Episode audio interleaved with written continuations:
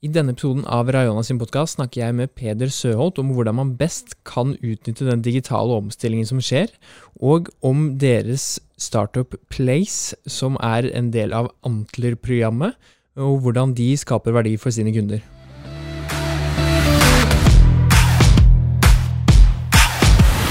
Yes, Først må jeg bare takke 657 for leie av lokalet. Vi sitter her med én meters avstand og vel så det, Peder. Eh, tusen takk for at du kunne komme, og takk for at du tok deg tid. Jo, takk for at jeg kan være her. Eh, jeg tenkte å snakke litt om eh, teknologi, det er du god på, men også oppstart. Eh, og egentlig næringsliv litt generelt. Omstilling, den type ting, som er, som er veldig vinnende i dag. Kan ikke du egentlig bare først starte å fortelle hvem du er, hva du har gjort, og, og hva du kommer til å gjøre fremover? Jo, det kan jeg godt. Um, nei, jeg har eh, jobbet med teknologi eh, hele livet. Uh, utdannet dataingeniør. Um, har jobbet som konsulent i mange år i, i Beck og Miles. Først i karrieren, og så um, var med på veldig mange spennende prosjekter der. Uh, så gikk jeg over til et innovasjonsteam i uh, Skipsted, på tvers av alle mediehusene her. Lærte veldig mye mer om produktbiten også, ikke bare teknologibiten, som jeg har vært veldig interessert i. Um, det førte meg videre over til uh, Telenor, hvor jeg var produktsjef for uh, noe som heter Wowbox, som var um, en app lansert for det emerging Asia market, altså vil si Bangladesh, uh, Myanmar og Pakistan da, i Telenors tilfelle der. Um, som var litt en sånn app for de som ikke Eller hadde akkurat fått seg smarttelefon, men ikke nødvendigvis visste hva internett var, eller hadde vært på internett. da, Som var en litt sånn start-app for da, litt sånn som startsiden var i gamle dager for oss, en trygg, trygt sted. Mm. Um, videre der så var jeg med en reise med startup med, med Gedit sammen med Ida Vollvik, um, og jobbet med gamified marketing. Uh, utrolig mye spennende, og der lærte jeg mye mer om business-siden av ting også, som jeg ikke hadde vært inne på da. Og nå eh, har jeg prøvd å starte for meg selv, da, sammen med to andre flinke kolleger, uh, Tobias og Snorre, i Place. Hvor vi da skal uh, hjelpe eh, kommersielle eiendomstakere med å ta datadrevne beslutninger ved utleie, da, kort sagt. Mm. Så du har jo både teknologierfaring og eh, erfaring og kunnskap med, med når det kommer til oppstart. Det er jo en teknologisk eh, omstilling som skjer nå personlig sett og som eh, en næringslivsleder, hvordan tenker du man kan dra best nytte av det og komme best mulig ut av den situasjonen?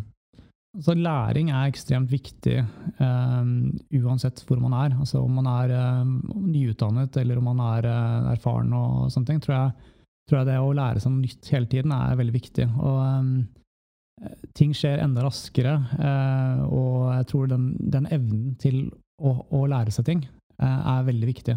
Teknologien endrer seg.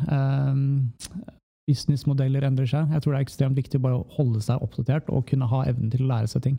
Ikke glemme det å lære seg ting, selv om man er ferdig på universitetet for lenge siden. En ting til uh, angående det med, med, arbeid. så En analogi til i gamle dager var vel um, i altså trykkeribransjen.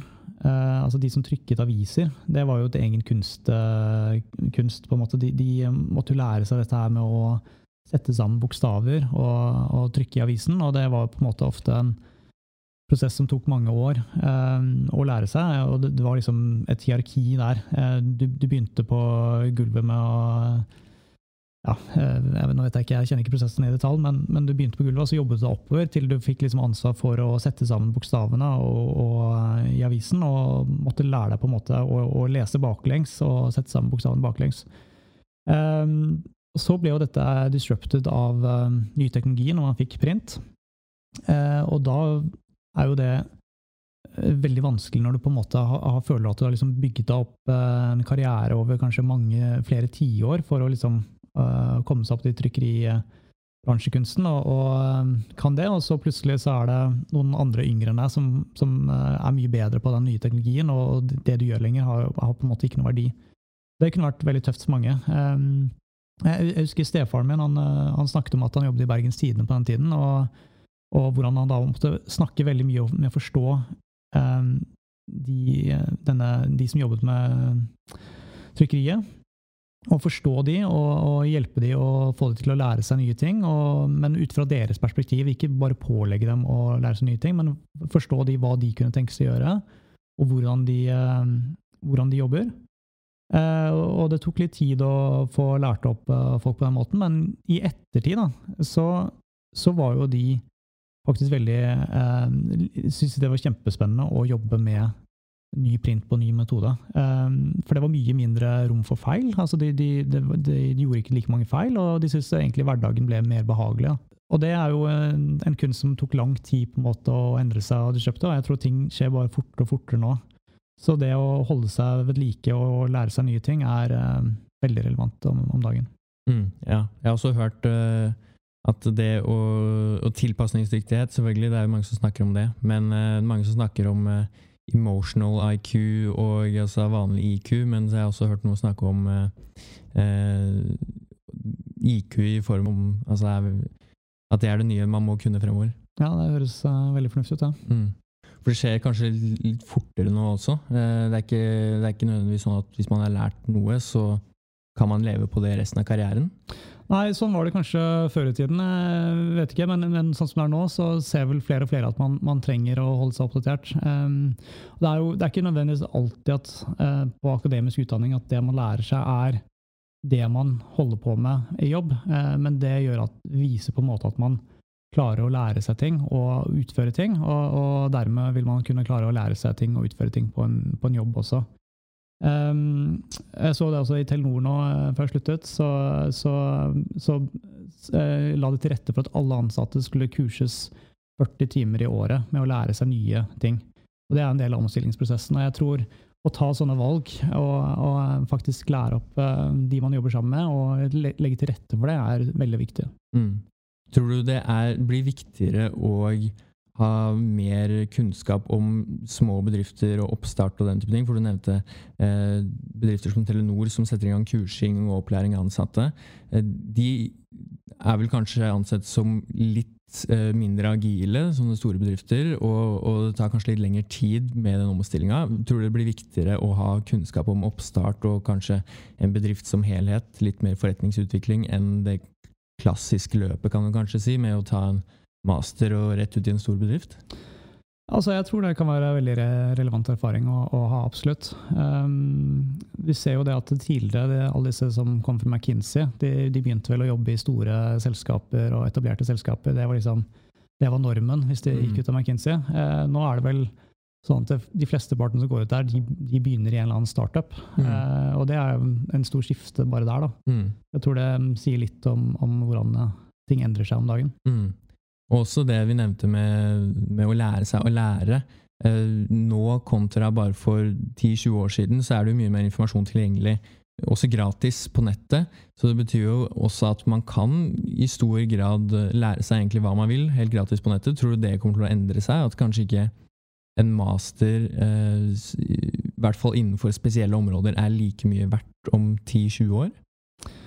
Jeg tror det kommer til å endre seg faktisk en del. Eh, ved at man eh, Jeg ser jo det at det blir mer og mer læring tilgjengelig på nett. Og eh, ofte så er det ting man må lære seg, seg fort. Men, men, jeg tror fortsatt jeg vil ha noe å si og ha en god utdanning og kunne bevise at man, man, man eh, kan det. Men, men, sånne hva heter det, sånne micro eh, graduating-ting. altså Du tar noen sånne små kurs og får bevis på det.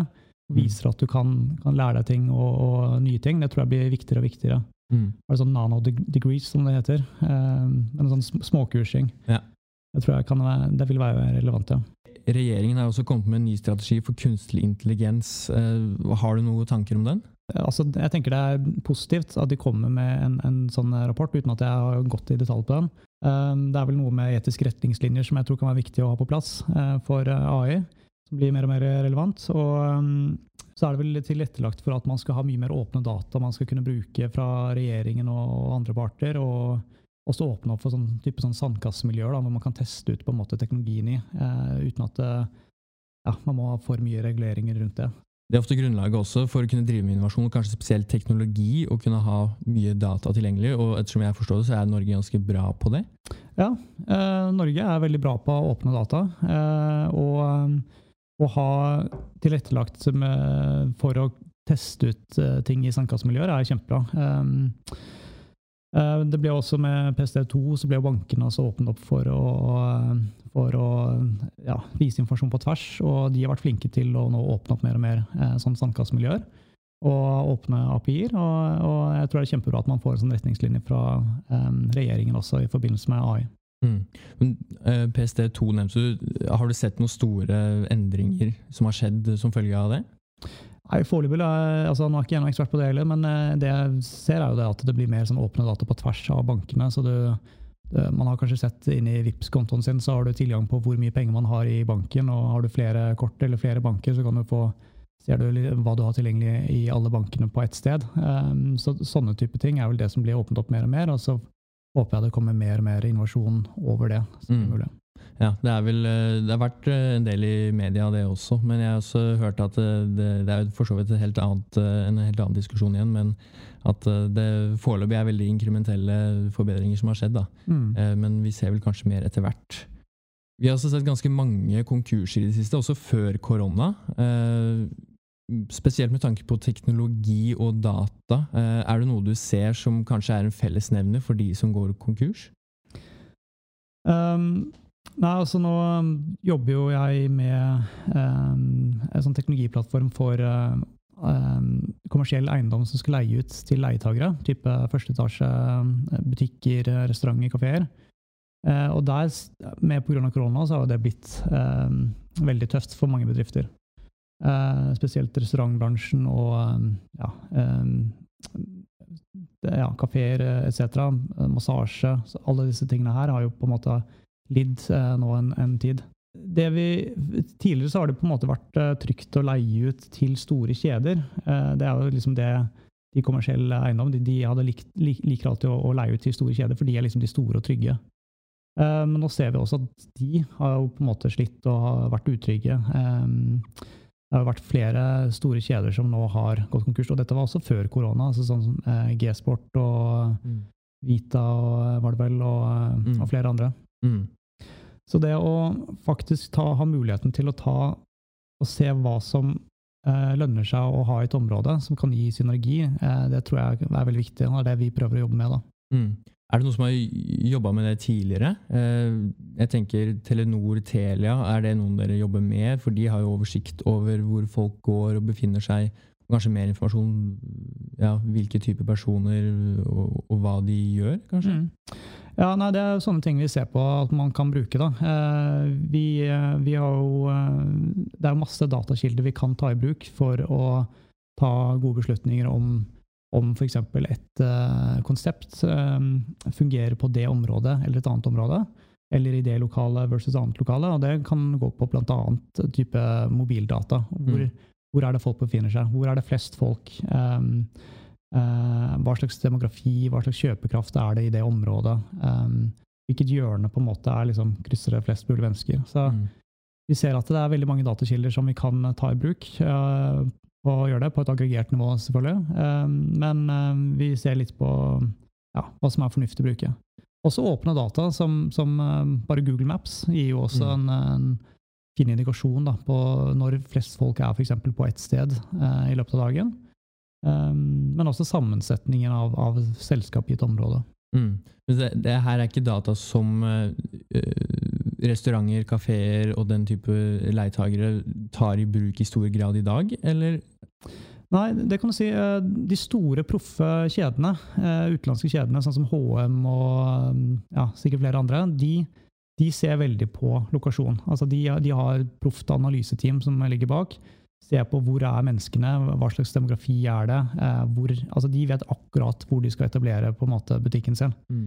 Eh, mens eh, type norske kjeder har vi ikke følelsen av at de er på en måte like digitaliserte og, og tar i bruk slike analyser. Eh, og, det vi gjør, er å prøve å lage en sånn eh, type løsning tilgjengelig også for mindre kjeder, men også enkeltstående butikker, eh, restauranter osv., så sånn at de også får, får nytte av den det som bare de, de, alle de proffe har. Mm, mm. Og det her gjør dere gjennom en startup, Place. Kan du ikke egentlig fortelle litt mer om Place? Hvordan, hvordan starta det? Hvem, hvordan kom ideen, og hvem er dere? Ja, det, det, kan jeg fortelle litt om. Um, dette her er en startup som kommer gjennom uh, Antler-programmet. Um, Antler er et uh, WC-fond som investerer i tidligfase startups. Um, eller de investerer på en måte i mennesker da, som, som, de har tro på, som vil sette opp en startup. Så slik det var nå for det Oslo-programmet eller Antler startet vel i Singapore uh, av en nordmann, Magnus Grimland, og har nå etablerte seg rundt omkring i, i, store deler av verden, i mange byer.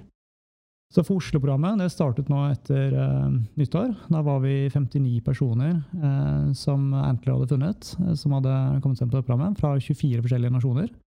Veldig spennende og veldig masse sprudlende sjeler. Som de da setter sammen med komplementære skills med forskjellig bakgrunn. og så blir de opplært i, i startups og gründervirksomhet. Mm. Da får de Ja, det har vært mange bra foredragsholdere. Eh, fra store selskap til små selskap. Eh, og holdt opp til, fått inn professorer fra Singapore som kurser oss i, i startup og hvordan vi skal tenke. Eh, og ikke minst liksom, sette oss inn at det er fokus på problemet vi skal ha fokus på, og ha en løsning der. Ikke bare at man finner på en idé, og så er det det, det man går for. Man skal mm. jobbe med problemet og se hvordan man kan om, om, det er et ordentlig problem, da, og så mm. løse det. Så dere som blir satt sammen, dere kjenner ikke nødvendigvis hverandre fra før av? Er det noe av tanken? Ja, det er eh, Noen kjente hverandre kanskje, men de aller fleste kjente hverandre ikke og var eh, helt nye. Kom inn på programmet. Eh, man blir satt, jobbet i, jobber i forskjellige oppgaver i forskjellige grupper. Og da lærer man å kjenne hverandre ganske godt og finner ut hvem man liker å jobbe sammen med. Så da til, eh, til, slutt så da ble det en gruppe med meg, Snorre og Tobias, som eh, da ble med på å etablere Place. Vi hadde mm, Utgangspunktet tok vi det fra um, leietagersiden. Altså de som har, har liksom en drøm om å starte en restaurant eller en kafé. Hvordan kan vi liksom hjelpe de å komme i gang? Uh, og det ønsker vi fortsatt på en måte å hjelpe til med. Men vi ser nå at det er lettere å etablere seg på, på utleiersiden av de kommersielle eiendommene. At vi ser at de er måte mer villig til å ta i bruk eh, data, datadrevne beslutninger og digitale, digital hjelp tidligere. Da. Mm. Så, mm. Mm. Er det vanskelig å overbevise disse leiertakerne om at altså kanskje spesielt de mindre enkeltstående butikkene om at uh, dette er noe de må bruke før de uh, setter opp uh, butikk? Altså Nå har ikke vi en ferdig løsning som vi er ute og har brukt til det, men vi har snakket med veldig mange leietagere. Eh, snakket med, eh, før vi startet selskapet, snakket vi med 50 forskjellige eh, selskap som, som eh, på eiendomssiden, på meglersiden og, eh, og leietagersiden. Eh, egentlig langt mer. og det var litt det hvorfor vi pivoterte også over til å hjelpe de, de på eiendomseiersiden. For vi ser at de har de har veldig manuell prosess i dag. Hvordan de finner leietagere, er veldig mye sånn nettverksbasert. Mye magefølelse på hva de tror er riktig for et sted, men ikke basert på nødvendigvis beslutninger. Eh, noen er proffe og, og bruker analyser eh, for det, mens de aller fleste er, eh, tar bare litt på magefølelsen og tar noe av det de får inn. Mm. Så da pitchet vi på en måte her, denne løsningen her for å hjelpe dem med å ta datterbeslutninger beslutninger til Antler, og fikk støtte fra de da, til å starte opp. Mm. Så hvor er dere på vei hen nå? Eh, i, altså, når startet det hos Antler, og når ser dere for dere at dere er 100 operativt ute i drift? Så vi, er, eh, vi startet nå for et par måneder siden. Etablerte selskapet. Eh, har eh, begynt å komme i gang og jobbe med skisser, prototyper. Vi har etablert partnere som vi har hatt workshop med. Prøve å forstå kunden prøve å forstå hele prosessen mellom leietager, megler, eiendomseier eh, som leier ut. Eh, forstå hele den prosessen, hvordan, hvilke problemer de har seg imellom. Og, og vi lager en plattform for samhandling mellom eh, disse. Og vi har holdt tilbake på utviklingen, selv om det klør i fingrene våre og vi har masse gode ideer. Så er det, liksom det, er det noe jeg har lært, så er det at man skal holde tilbake utviklingen og virkelig prøve å forstå kunden. Og, og komme med ideer, skisser, teste ut, uh, iterere over det, komme tilbake med nye forslag, iterere over det, og så begynne å utvikle første MVP-en. Mm. Ser dere noen konkurrenter i markedet her i dag? Eh, ikke sånn eh, direkte. Eh, det fins noen som gjør dette her ganske manuelt. Eh, flere selskaper som gjør dette. Eh, det er noe i utlandet som eh, gjør noe tilsvarende, men det er veldig my mye mer fokus på kjøpesentre og eh, ja, store kjeder. Um, og vi tror at vi har en mulighet også til å hjelpe på en måte hver og en et mindre selskap, da, små gårdseiere, Um, men også leiertakersiden, eller de som ønsker å, å lage konsepter etter hvert også, har Mm. vi um, håp for. Mm. Vi, vi ser jo også um, nå, uh, pga. korona, så gir jo det faktisk også en mulighet også. Uh, det er veldig mange sommerstudenter nå som har fått kansellert internshipet sitt i um, store um, konsulentselskap. Um, og det er veldig, veldig synd. Uh, men for oss har det vært en uh, kjempebra, for da vi får nå plutselig tilgang på de flinkeste, aller beste studentene. Uh, Så vi har plukket fra øverste hylle og gleder oss til å starte med mange, startup, nei, mange interns nå i juni. Mm. Ja, det er vel kanskje det er mange som er ute etter eh, jobb, og ikke så mange som eh, utlyser stillinger, kanskje? Nei, det er kanskje ikke det. Så vi har fått i hvert fall utrolig uh, fine søknader fra masse, masse gode studenter. Mm. Vi håper vi kan være med og hjelpe der. Så uh, Du nevnte Antler også. Uh, hva vil du si er eh, den største fordelen med å ha Antler i ryggen kontra en annen WC? Ja, nå øh, kjenner jeg ikke nødvendigvis til andre WC, men vanlig, vanligvis er WC-er investerer jo litt på et litt senere eh, tidspunkt. Um, og det Antler har vært veldig flinke til, det er jo nettopp det å sette oss sammen og kurse oss opp, men ikke minst det nettverket Antler har. Altså de er, de er um, satt opp eh, internasjonalt og har et eh, ekstremt nettverk, både i Norge, men også internasjonalt. Så de er, er en kjempefin setup for å kunne skalere ut av Norge masse flinke rådgivere eh, gjennom eh, Antler. Personlig gjennom Antler så har vi fått Anne Worsø. Eh, super, eh, superflink og engasjert eh, dame. Vi har eh, jeg tror det er over 400 forskjellige rådgivere på, på tvers av forskjellige teknologiområder eh, rundt omkring i verden som Antler har. Og det er stort sett teknologi som er fokuset der, eller? Ja, det er, det er hovedsakelig teknologiselskap, men altså så lenge de på en måte løser et problem, eh, så, så kan det være langt utenom teknologien at de har fokus på problemet, men ofte så er teknologi en, en del av det for å løse det. Og Mm. med teknologi så er det ofte mye lettere å skalere bedrifter eh, enn det det tradisjonelt er hvis du har på en måte fysisk eh, eh, ja, um, hardware eller lokasjoner eller et eller annet som må skaleres, personer, så, så kan teknologien skaleres veldig mye raskere. Og det er det de ønsker, da, å lage store bedrifter som kan skaleres fort over hele verden. Så de, de setter kanskje noen krav også? At det før disse oppstartene ser eh, livets lys, at eh, det, det skal kunne eskaleres internasjonalt, og det skal kunne vokse kjapt? Det er en del av eh, de tingene som de ser på når vi pitcher for de, om de vil investere i oss eller ikke. Så er det et av kriteriene, sånn som jeg har forstått det. Mm. Er det mange som får investering, og som fortsetter å leve? Av det Oslo-programmet som var nå, så er det åtte selskap som har fått eh, investering fra Antler. Mm. Eh, det vil si, jeg tror det var 19 personer da, totalt, Mm. eh, av de 59 som gikk videre.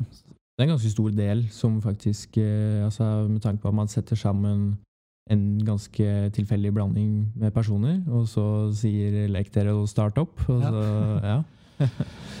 Eh, ja, nei, det er for så vidt det. Og, men Antley har også sagt at i teorien så kunne de investert i 100% av alle pitchene også, hvis de har fullstendig tro på det, og tro på teamet og, eh, og hva man skal løse. Mm. Så hvordan eh, Du nevnte litt hvordan det starta, men hvordan så dere behovet? Hvem var det som, altså, er det noen som har erfaring av at dette er et problem fra tidligere, eller var det bare å sitte rundt et bord og komme fram til altså, finne problemet? Eh, ja, jeg tror uh, initielle eh, biten av hvordan det startet, det var egentlig ved, ved en av disse eh, gruppeoppgavene som eh, Altså, vi har jo tett samarbeid med forskjellige partnere i Norge, så vi har forskjellige vertikaler vi så på gjennom Antler-programmet. Eh, mobilitet, energi og eh, property. På eiendomssiden så, så er det Møller Eiendom og eh, Heimstaden og eh, Obos som var partnere. Eh, og da hadde vi forskjellige oppgaver med de, hvor vi skulle hadde 24 timer på en måte å presentere og, og, og altså få til, tildelt et problem, og vise oss hvordan vi kan løse det på best mulig måte i løpet av 24 timer. Da, pitch for det. Og jeg var ikke med på den uh, gruppen som da Snorre, daglig leder, uh, var med på. da. Han, uh, og der hadde de en oppgave hvor de prøvde å hjelpe til for disse uh, leietakerne. Og det var liksom ut, utgangspunktet for ideen. Det ble liksom eh, Det ble sådd akkurat eh, under den eh, oppgaven der, da. Mm. Og så har det på en måte vært flere personer som er involvert, og eh, pivotert med forskjellige tanker og ideer, og så har det utviklet seg gradvis mer og mer. Uh, ja, du har jo vært innom flere oppstartsselskaper, uh, og du har jo også investert en del, og holder deg stort sett tek til teknologi, ettersom jeg har forstått. Ja. Uh, så du har jo også litt erfaring fra Geddit, som du nevnte. Hvor vil du si er den mest verdifulle erfaringa di som du nå tar med deg inn i Place? Mm. ja, det er et godt spørsmål. Eh, jeg tror eh, Selv så syns jeg jeg har vært veldig privilegert med å ha fått vært med på veldig mange spennende prosjekter opp igjennom. Så jeg var med på å utvikle nett-TV-en til NRK, den nye nett-TV-en som var, ble laget, og eh, nettradioen og NRK Super. Eh, Det var en kjempespennende erfaring med det første store Asher-prosjektet i Norge. Mm. eh, Cloud-prosjektet. Um, Skipsted så lærte jeg altså der, eller NRK så var det mye teknologi, og mange av disse konsulentoppdragene jeg hadde, var det mye teknologi som jeg syntes var spennende. Og jeg lærte veldig mye om produktet i Skipsted. Mm. Hadde en fantastisk eh, sjef, eh, Sigve Søråsen, som var veldig sånn, produktorientert. Og jobbet med et fantastisk team der med, med ja, designer og innovasjonssjef der. Um, så de, de lærte jeg ekstremt mye av, eh, på en måte fikk meg mer over på produktsiden.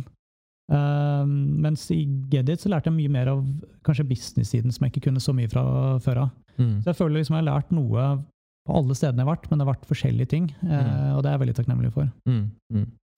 Eh, og du har jo som nevnt starta noen prosjekter tidligere. Uh, hvordan bestemmer du deg for å, om du skal starte prosjekt eller ikke? Hva er det som gjør at du velger å starte?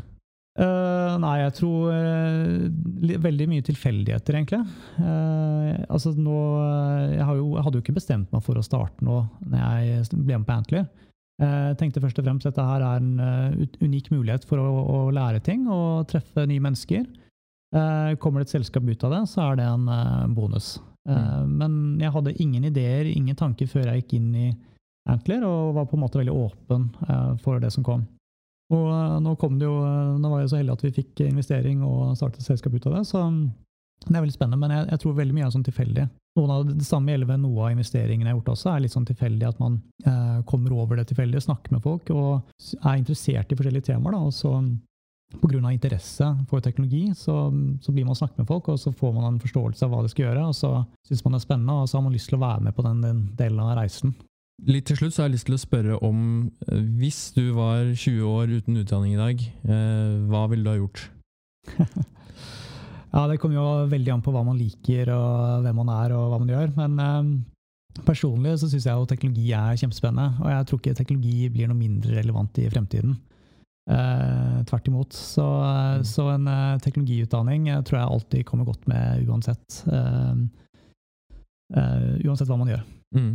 Selv om eh, man gjør noe helt annet og kanskje kombinerer med teknologi også? Ja, jeg tror uansett hva man eh, jobber med i fremtiden, så kommer teknologien til å spille inn på en eller annen måte. Eh, og ha en forståelse for teknologi da, jeg tror jeg er kjempe, kjempebra uansett hva man kommer til å jobbe med. Mm. Så, så ha en forståelse. Eh, Man, man trenger ikke nødvendigvis å kunne noe koding, programmering, tenker du? Eller? Nei, ikke nødvendigvis, men eh, jeg tror også det å lære seg litt koding og sånn, det gir også en liten forståelse om hvordan datamaskinen fungerer, og, og kanskje hvordan teknologi fungerer, som vil, gi, eh, ja, vil gjøre det kanskje lettere for å forstå produkter og produktutvikling i, i fremtiden også. Mm. Det får være siste tips i denne podkasten, så tusen takk for at du tok deg tid, Peder. Jo, tusen takk for at jeg kunne komme. Veldig hyggelig.